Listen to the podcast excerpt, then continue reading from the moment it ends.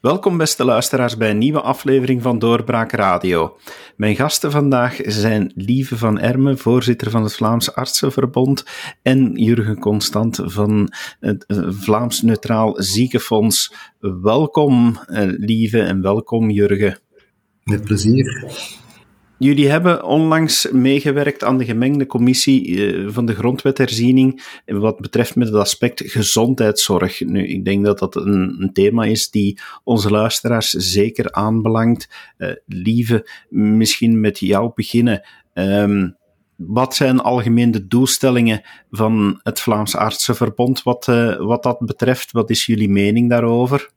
Wel, dus uh, ik ben uitgenodigd 15 oktober, daags voor ons symposium, om te komen uh, toelichten wat het Vlaams Artsenverbond vond uh, wat gezondheidszorg betreft.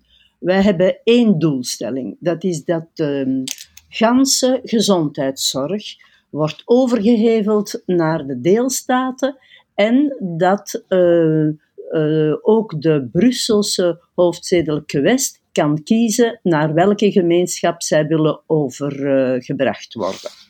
En waarom uh, stellen we dit? We stellen dit omdat we dit stoelen gewoon op de grondwet. Artikel 128, paragraaf 1 zegt dat de parlementen van de Vlaamse en de Franse gemeenschappen elk voor zich bij decreet persoonsgebonden aangelegenheden regelen. Wat is er nu meer persoonsgebonden dan gezondheid? En ook de vijf Vlaamse resoluties rond de, Vlaams, rond de staatsvervorming van 3 eh, maart 1999. Dus waarom communitarisering beter is? Wel, we hebben, doen het apart, we doen het beter en we doen het goedkoper. Drie uitroeptekens. Eigen klemtonen, efficiënter, resultaatsgebonden en goedkoper. En dan een vraagteken met een uitroepteken. Wat met responsabilisering?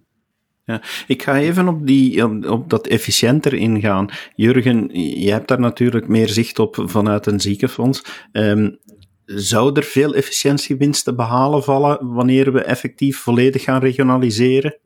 Ja, je zegt zelfs uh, regionaliseren. Dat is eigenlijk een uh, stukje foutief uh, gebruik van het woord. Hè. Wij zijn voor de communautarisering. Want regionalisering betekent in de grondwettelijke betekenis van het woord, ja, dat de gewesten bevoegd zouden worden uh, in plaats van de gemeenschappen. Het is een gemeenschapbevoegdheid, gezondheid, zoals Lieve net heeft gezegd. Ja, de winsten die we maken, dat is al heel logisch. Ten eerste het, het aantal beleidsniveaus. Nu zijn er op dit ogenblik, en dat is door de coronacrisis pijnlijk duidelijk geworden, negen excellenties bevoegd voor alle aspecten van gezondheidszorg.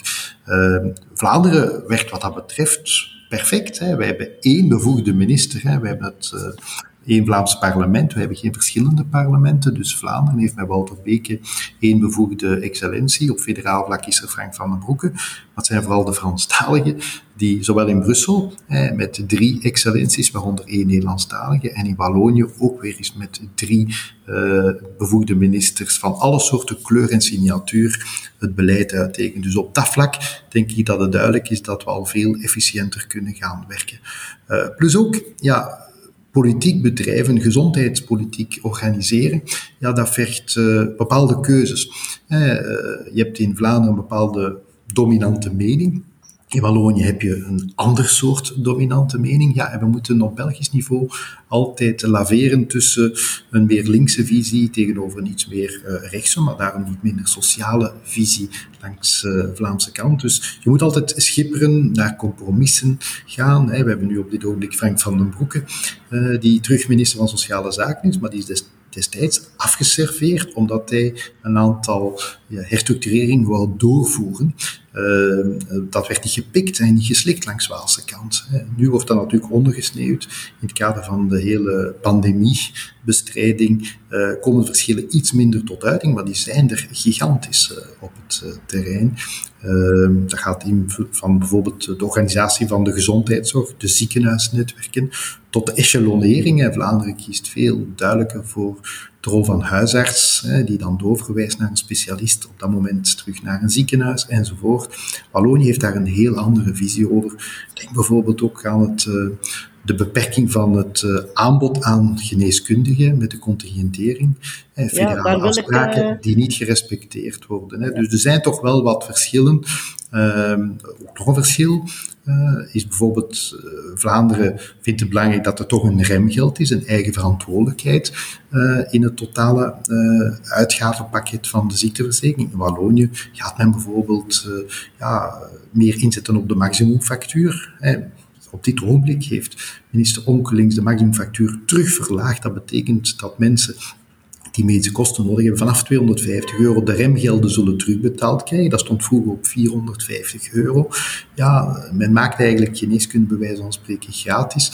Um, en ja, dat zorgt eigenlijk voor een stukje overconsumptie. In Vlaanderen bekijkt men dat anders. Net zoals in de werkloosheid. In Vlaanderen gaat men uh, perfect uh, de discussie aan durven gaan van ja, kan men ten eeuwige dagen werkloos zijn? Uh, kan men een werkloosheidsvergoeding altijd maar uitbetalen, wetende dat er ja, zoveel vacatures zijn, hè, dat er mhm. stimuli moeten zijn om mensen te activeren. En ik kan zo nog even doorgaan, uh, maar ik neem aan dat er nog, uh, dat liever nog wat Ik zou toch als arts graag willen wat meer vertellen over hoe dat wij eigen klemtonen hebben. Dus zoals Jurgen zegt, de, de contingentering, dat is al een kwart eeuwen saga terwijl de gemeenschappen overeengekomen zijn in 1997 van de instroom van de studenten geneeskunde af te remmen. Eh, Vlaanderen als brave leerling van de klas heeft dat direct eh, in voegen getreden. Ik kan dat bijtreden, want onze zoon heeft in 1998 uh, op zijn 18 jaar het eerste serieus ingangsexamen gedaan. En ik kan u vertellen dat er veel traantjes bij zijn kameraden gerold zijn uh, dat was een, de botten, de flessenhals, dat was een heel streng examen. En dat er veel uh, Vlaamse jongeren hun droom niet hebben kunnen zien waar worden van arts te worden. Uh, dan hebben ze uh, jarenlang uh, een lissage toegelaten, een lis, verzachtende dingen, omstandigheden. En nu staan ze met een overtol van 1500 RISIF-nummers en dat blijft een saga zonder einde. En uh, wij hebben andere uh, klemtonen, andere accenten. Er zijn in Vlaanderen veel meer groepspraktijken. De vaccinatiegraad tegen uh, baarmoederhalskanker is 91% bij de jeugd, in Wallonië maar 50%. Het, de globaal medisch dossier 74% in Vlaanderen, terwijl dat maar 49% is, maar de helft in Wallonië de pre-operatieve onderzoeken. Er worden er 50% meer gedaan in Wallonië.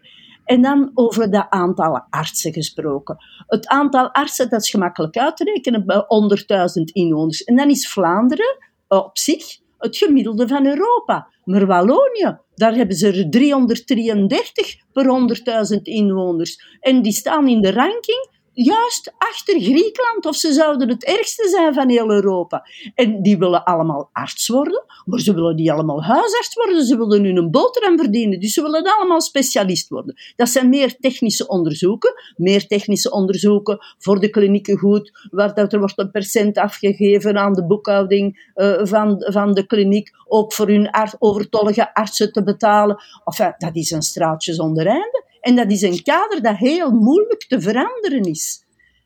Ja, eh, dus het is wel duidelijk inderdaad van ja, grotere efficiëntie behalen, zoals Jurgen ook al zei. Dat is mogelijk de eigen klemtonen, zoals jij nu benadrukt. Maar is er dan ook wat meer mogelijk wat betreft qua responsabilisering, wanneer we uh, zouden volledig naar de gemeenschappen overgaan? Wel, als het helemaal naar de gemeenschappen overgaat, dan, dan moet elk zijn eigen geld beheren, elk de eigen inkomsten en dat ook uitgeven. Dus dan heb je een, sowieso een responsabilisering. bijvoorbeeld de, de als eh, cardioloog weet ik dat. Waar er per aantal inwoners uh, veel meer, net onder de taalgrens. En, en uh, de, de, de Mot, uh, Rudy de Mot uh, destijds, die zei: Oké, ja, er zijn er te veel in Wallonië, laat ons die dan verminderen. En dan zei Onkelingsam, nee, nee, nee, nee, ze mogen allemaal blijven bestaan. Laat er wat meer toe in Vlaanderen. En dan was de, de titel van mijn artikel in de Artsenkrant, Vlaanderen walloniseert willens-nillens ten koste van, uh, van ons eigen klemtonenbeleid. Dat is responsabilisering. Mm Ja, ik kan daar eigenlijk bij aanvullen. Weinig mensen staan erbij stil hoeveel dat wij voor sociale zekerheid betalen. Hè. Gewoon vorig jaar was dat in Vlaanderen ongeveer 9200 euro dat werknemers, werkgevers per werkende persoon eigenlijk aan de sociale zekerheid betalen. Dat is 2000 euro trouwens meer dan in Wallonië. En in de uitgaven zie je ja, het omgekeerde, dat Wallonië dan weer meer uh, ontvangt. Uh, je kan zeggen dat is solidariteit, maar solidariteit heeft natuurlijk zijn grenzen. Hè. Dat is, bedraagt eigenlijk bij ons, de Vlamingen transfereren 6% van ons bruto regionaal product, wat dus gigantisch uh, veel is. zeker ook omdat je ziet dat er eigenlijk geen resultaat uitkomt. Of dat ze dan toch niet hun eigen zaak op orde zetten door bijvoorbeeld te saneren in het aantal bevoegde excellenties. Um, of, of, of, ook meer in te zetten op terug naar werk. Hè. Dus Wallonië heeft veel meer invaliden dan Vlaanderen, veel meer arbeidsongeschikten. En we zien ja, dat, uh, dat men in Vlaanderen veel meer investeert om mensen in het kader van reïntegratietrajecten uh, aangepast werk te laten geven, deeltijds te laten hervatten enzovoort. Hè. Dus uh, ook dat hebben we ooit berekend. Uh, wel in Vlaanderen zijn er ongeveer 26 dagen arbeidsongeschiktheid uh, per titularis. In Wallonië 37 uh, dagen, dat is 43% meer. Dat is trouwens exact hetzelfde percentage als er meer specialisten zijn in uh, Wallonië dan in Vlaanderen, waar dat Lieve juist ook heeft naverwezen. Hè. Ook het ja, aantal en... mensen met verhoogde tegemoetkoming. Hè. Dus in, in Vlaanderen is dat 15% van de mensen hebben verhoogde tegemoetkoming, zijn mensen in armoede. In Wallonië is dat meer dan 1 op 5. Ook daar krijgen we Griekse toestanden. En in Brussel is dat dramatisch met uh, bijna 1 op 3 mensen die voorkeurregeling hebben. Hè. Dus uh, qua responsabilisering ja, kan dat toch wel uh, tellen. Ook een beetje een eigen verantwoordelijkheid. We zien dat ook in de vaccinaties. Hè, want ja. premier Alexander de Croo is heel fier met, met onze vaccinatiegraad. Maar eigenlijk gebruikt hij in plaats van de Belgische cijfers, de ploeg van 11 miljoen, gebruikt hij vaak de Vlaamse cijfers uh, ja. in het kader van uh, vaccinatie. Hè. Dus, uh, en met de boosterprik zitten we op 40 procent. Ja, dat is in Vlaanderen. In Wallonië is het al is nog maar 32 procent. In, in Brussel zelfs nog, nog maar 21 procent. Dus allee, als het goed uitkomt, gebruikt men de Vlaamse cijfers uh, om uh, zogezegd de betere leerling van de klas te zijn. Maar de, ja, de staatsschuld, daar maak ik mij het meeste zorgen over. wie gaat dat op termijn betalen? Maar daar komen we wellicht straks nog op terug. Ja, en dan zijn wij ook met die vaccinatie goedkoper dan Wallonië. Hè? Hoe is het mogelijk? Dus we zijn 37 procent goedkoper in een vaccinatiecentrum en 50% goedkoper in een, een prik in een woonzorgcentrum. Hmm. Ja, en dan, is er nog, dan komt er nog een discussie, lieve, over wie gaat dat betalen. Want uh, men heeft eigenlijk afgesproken dat de vaccinatiekost, ja. uh, de, de uitvoering zal regionaal gebeuren, maar de afrekening zal voor 20% regionaal zijn. 80% zal federaal betalen. Ik stel mij de vraag, ja, als de Franstaligen veel meer uitgeven voor minder gevaccineerden en meer uitgaven hebben per prik, gaan zij dan ook meer krijgen. Dat zijn ook keuzes geweest. En hoe komt dat prijsverschil? Heeft ook te maken dat men in Vlaanderen ervoor gekozen heeft om ook heel veel vrijwilligers in te schakelen in het geheel. En, omdat, en in Wallonië wou men dat niet. Waarom? Omdat men de dokters werk wou geven, omdat ze daar met een overaanbod zitten. Uh, maar dat heeft natuurlijk een andere prijs. Ja, en moeten wij dan meer gaan betalen uh, omdat Franstaligen andere keuzes maken. Dat is het eeuwige discussie. Ja, en, en ook de, de eh, resultaatsgebonden. Hè? Dus de, eh, wat jij al zei, de roll-out van de vaccinatiegraad is veel hoger geweest in, in, in Vlaanderen. Hè? 22 september was dat 90% in Vlaanderen, in Wallonië 79 en in Brussel 64% En als je een beetje op het internet gaat rondstruinen, over dan de oversterfte in de klinieken door corona. Wel, in de steden met meer dan 50.000 inwoners, ziet je dat de oversterfte in Wallonië, terwijl ze met veel meer artsen en met veel meer specialisten zijn, veel groter is dan in Vlaanderen. Ja, klopt. Ja, ook recent, ik heb de laatste cijfers van Scienzano uh, ter voorbereiding van dit debat ook nog eens opgezocht. Vlaanderen is met bijna 58% van de bevolking goed voor 50% van de corona-overlijdens. Wallonië met nog geen 32% van de bevolking is goed voor 37% van de overlijdens. En je zult u nog herinneren, in de tijd, uh, twee jaar geleden bijna ondertussen, bij de start van corona, werd Vlaanderen geviseerd hè, omwille van eh, de oversterfte in woonzorgcentra. Uh, maar uiteindelijk blijkt dat we gelukkig minder overlijdens hebben dan ons bevolkingsaantal uh, kan veronderstellen. Wat nog altijd niet wegneemt dat er te veel overlijdens zijn, uiteraard. Hè. Dus uh, dat we maar een oproep kunnen doen om zich te laten vaccineren, omdat dat toch wel het risico op overlijden verkleint. En wat, wat dat mij als politica ook boos maakt, waarom do, doet Vlaanderen zoveel voor preventie? Uh, ook meer uh, woonzorgcentra uit de grond stampen, terwijl de benefit eigenlijk federaal is. De mensen worden door de preventie minder ziek, dus de, de darmkankeropsporing en de borstscreening is veel beter in de Vlaanderen uitgerold. Wel, en, en, de benefit is federaal. Waarom moeten we zo ons best doen? is, is, het is Kafka. Ook bijvoorbeeld met corona. Uh, hoe, hoe gaat je dat uitleggen? Dus de ziekenhuizen die worden federaal uh, gefinancierd, de, geestelijke gezondheidszorg en de beschut wonen Vlaams. Maar, maar die zijn dikwijls op dezelfde campus. Dus wat met de aankoop van de mondmaskers? Uh, wat met de, de quarantaineregels die anders geregeld worden? het is soms Kafka ter plaatse. Hmm.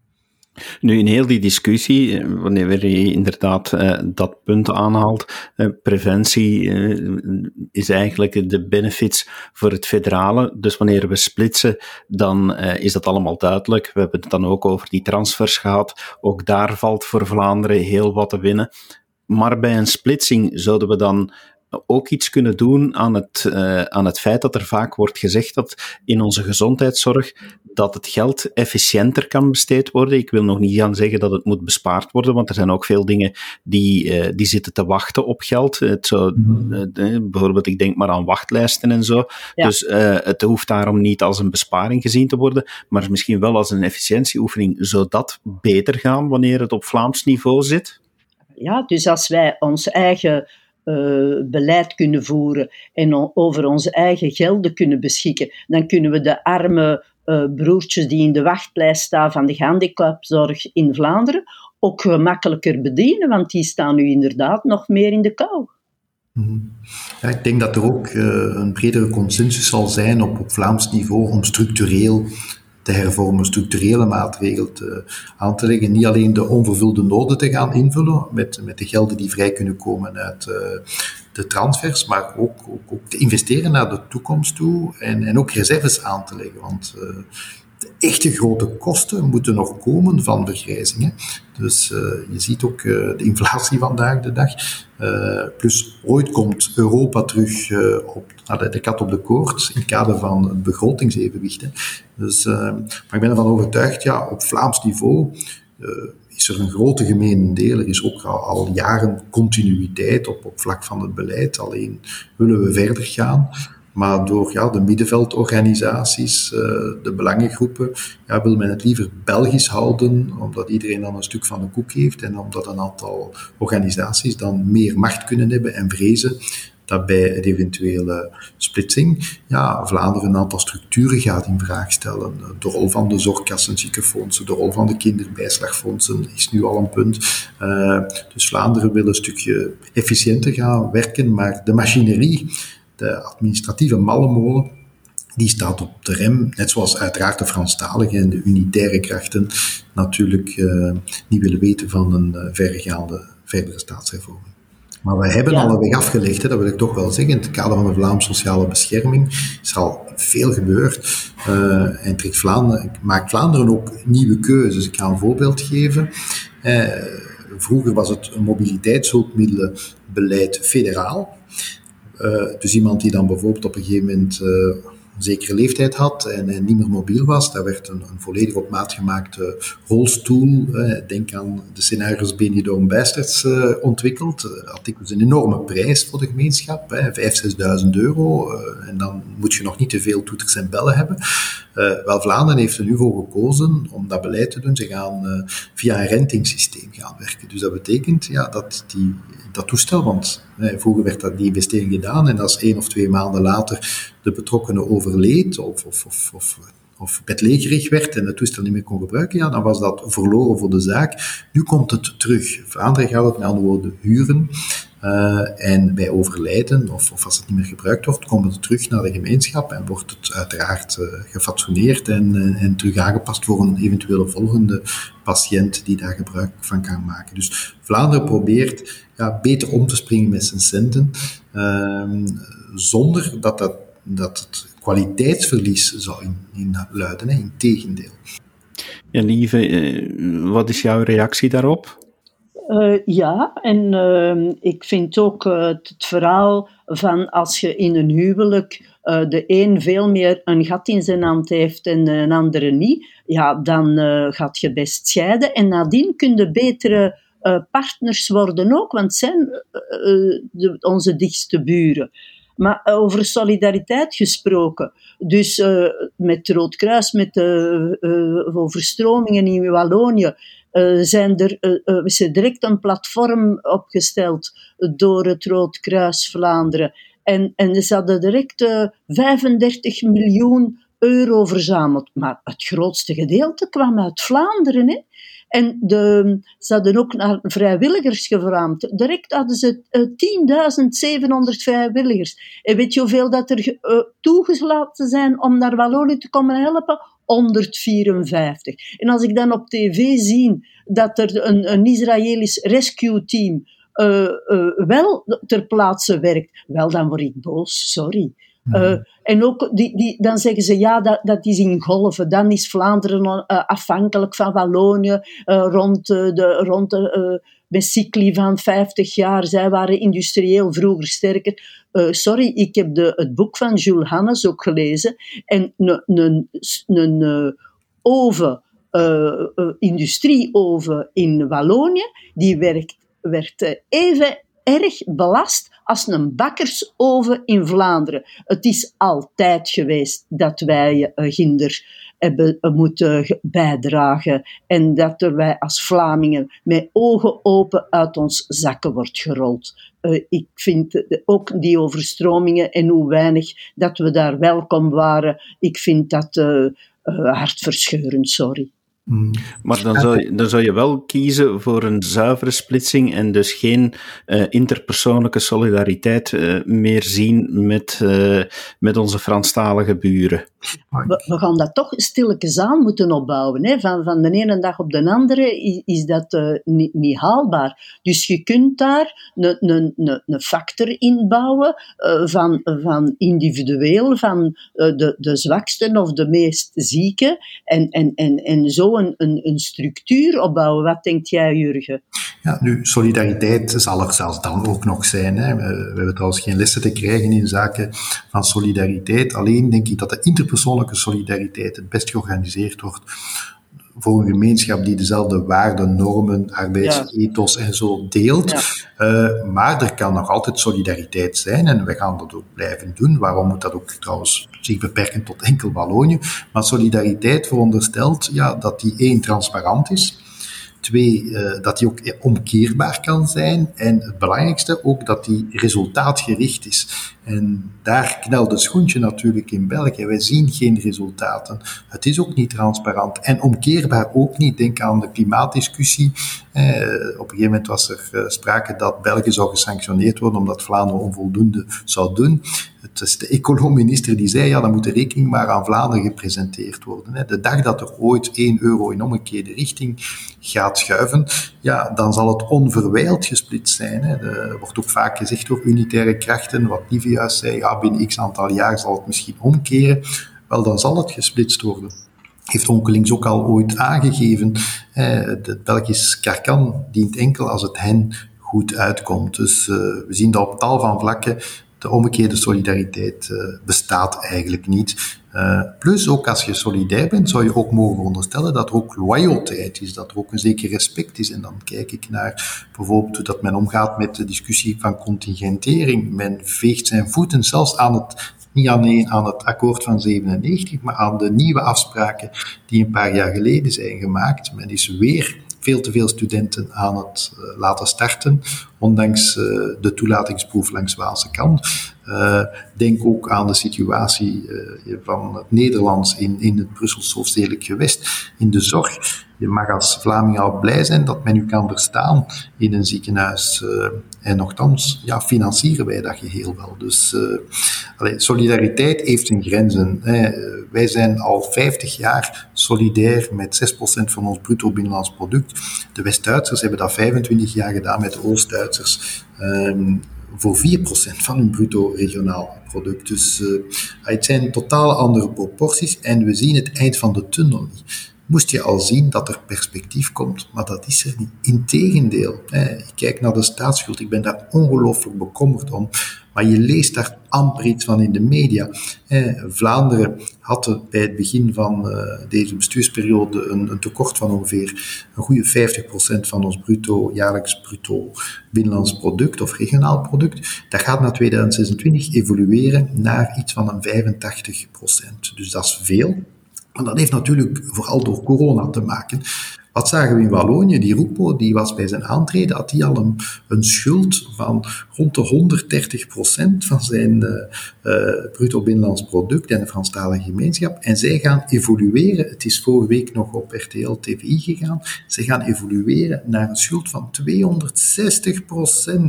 uh, dus dat is buiten elke proportie uh, Wallonië en de Franstalige gemeenschap is virtueel failliet. Uh, en dan is de vraag, wie gaat dat betalen?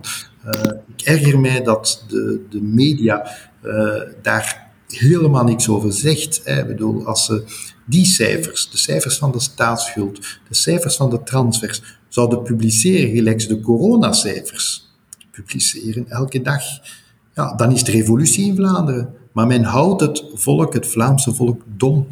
Ehm, dus een appel naar de media, en ik ben blij dat doorbraak er is, om, om dat te verkondigen.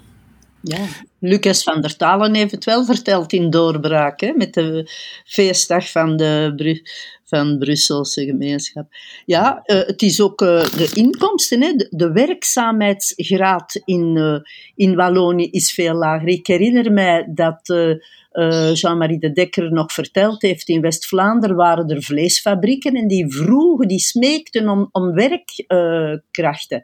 Uh, en Onkelings was akkoord uh, van een premie te geven, speciaal voor de mensen die over de taalgrens naar West-Vlaanderen wilden komen werken. Maar er kwam niemand. Er kwamen veel, mensen, veel meer mensen van Noord-Frankrijk. Klopt. Ja, de werkzaamheidsgraad is vandaag de dag in Vlaanderen 76,2 procent. We, streven naar 80 procent. Wallonië 65 procent. In Brussel maar 62 procent. En de werkloosheidsgraad is in Vlaanderen vindt maar mensen. En er zijn nog zoveel vacatures, maar 4 procent. Uh, waar dat het in Wallonië uh, ja, 9,1 procent is, uh, de werkloosheidsgraad. En in Brussel 13,8. Dus, Lieve, misschien nog een laatste vraag. terug even naar die commissie grondwetherziening waarbij jij aanwezig was. Hoe waren de reacties eigenlijk aan de andere kant van de taalgrens? Uh, zit, zit daar überhaupt de mogelijkheid in dat zij uh, zouden meewerken aan een verdere splitsing van de gezondheidszorg? Ho, ho. Ik werd daar uh, gefocust en tegengesproken. Het was niet erg hoopvol. Zelfs mensen van Vlaamse kant die me tegenspraken, oh, ik vond het echt niet leuk. langs de andere kant begrepen ze mij wel ten gronde. Want van de vier sprekers was ik de enigste arts. Um, dus er was ook uh, Margot Kloet en haar uh, tegenhanger in Wallonië. En dan een Franstalige, um, uh, die voorzitter was van de Franstalige huisartsen. Maar hij was geen arts. En ik, ik denk dat hij het meest begreep waarover het eigenlijk ging. Want ook Vlaamse artsen lezen andere literatuur dan de Franstaligen. Wij lezen meer Anglo-Saxisch. Wij passen dat ook meer toe. Zo zei die man, de Franstalige tegenhanger uh, van uh, Margot Kloet van Icuro. Hij zei, ja, maar waarom zouden wij een hartinfarct anders behandelen in Wallonië? Peer review. Maar ik zeg, zeker dat je dat doet. Jullie lezen andere literatuur. Jullie doen veel meer ouderwetse onderzoeken, uh, radio, uh, foto's van de longen en, en, en, en, en meer echo's. terwijl hmm. dat in Vlaanderen met veel minder uh, kan gestaafd worden en veel uh, exacter logistiek gebeurt. Hmm. Het, het blijft een tweespalt, ook op medisch vlak. dat, dat, zien we als we rond de tafel zitten met, met collega's in de Belgische Vereniging van Specialisten ook uh, dat het er een, een, een tweespalt is die pecuniair gevolgen heeft. Sorry, hè. Mhm. Ik denk dat het inderdaad duidelijk is dat er nog heel veel te winnen valt bij een verdere splitsing, of zelfs bij een volledige splitsing, voor alle duidelijkheid, van de gezondheidszorg. Dat op alle vlakken een verbetering zou zijn voor Vlaanderen. Ik wil jullie heel hartelijk danken voor jullie toelichting. Lieve Jurgen, dankjewel voor jullie tijd. Met plezier gedaan. Ik hoop dat het uh, weerklank vindt en dat we meer uh, niet woke, maar wake-up kunnen doen. Dat de, de Vlaming meer wakker wordt en zich ervan bewust wordt. Wel, ik denk dat we met doorbraak en met deze podcast daar zeker aan meewerken. Dank jullie wel ook om te luisteren, beste luisteraars. En we blijven dit onderwerp natuurlijk verder volgen wanneer er meer nieuws is. Graag tot de volgende keer. Dag. Dit was een episode van Doorbraak Radio de podcast van doorbraak.be.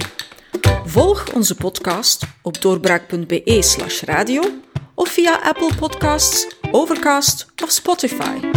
Bezoek ook onze website op doorbraak.be en steun ons door een vriend te worden van Doorbraak.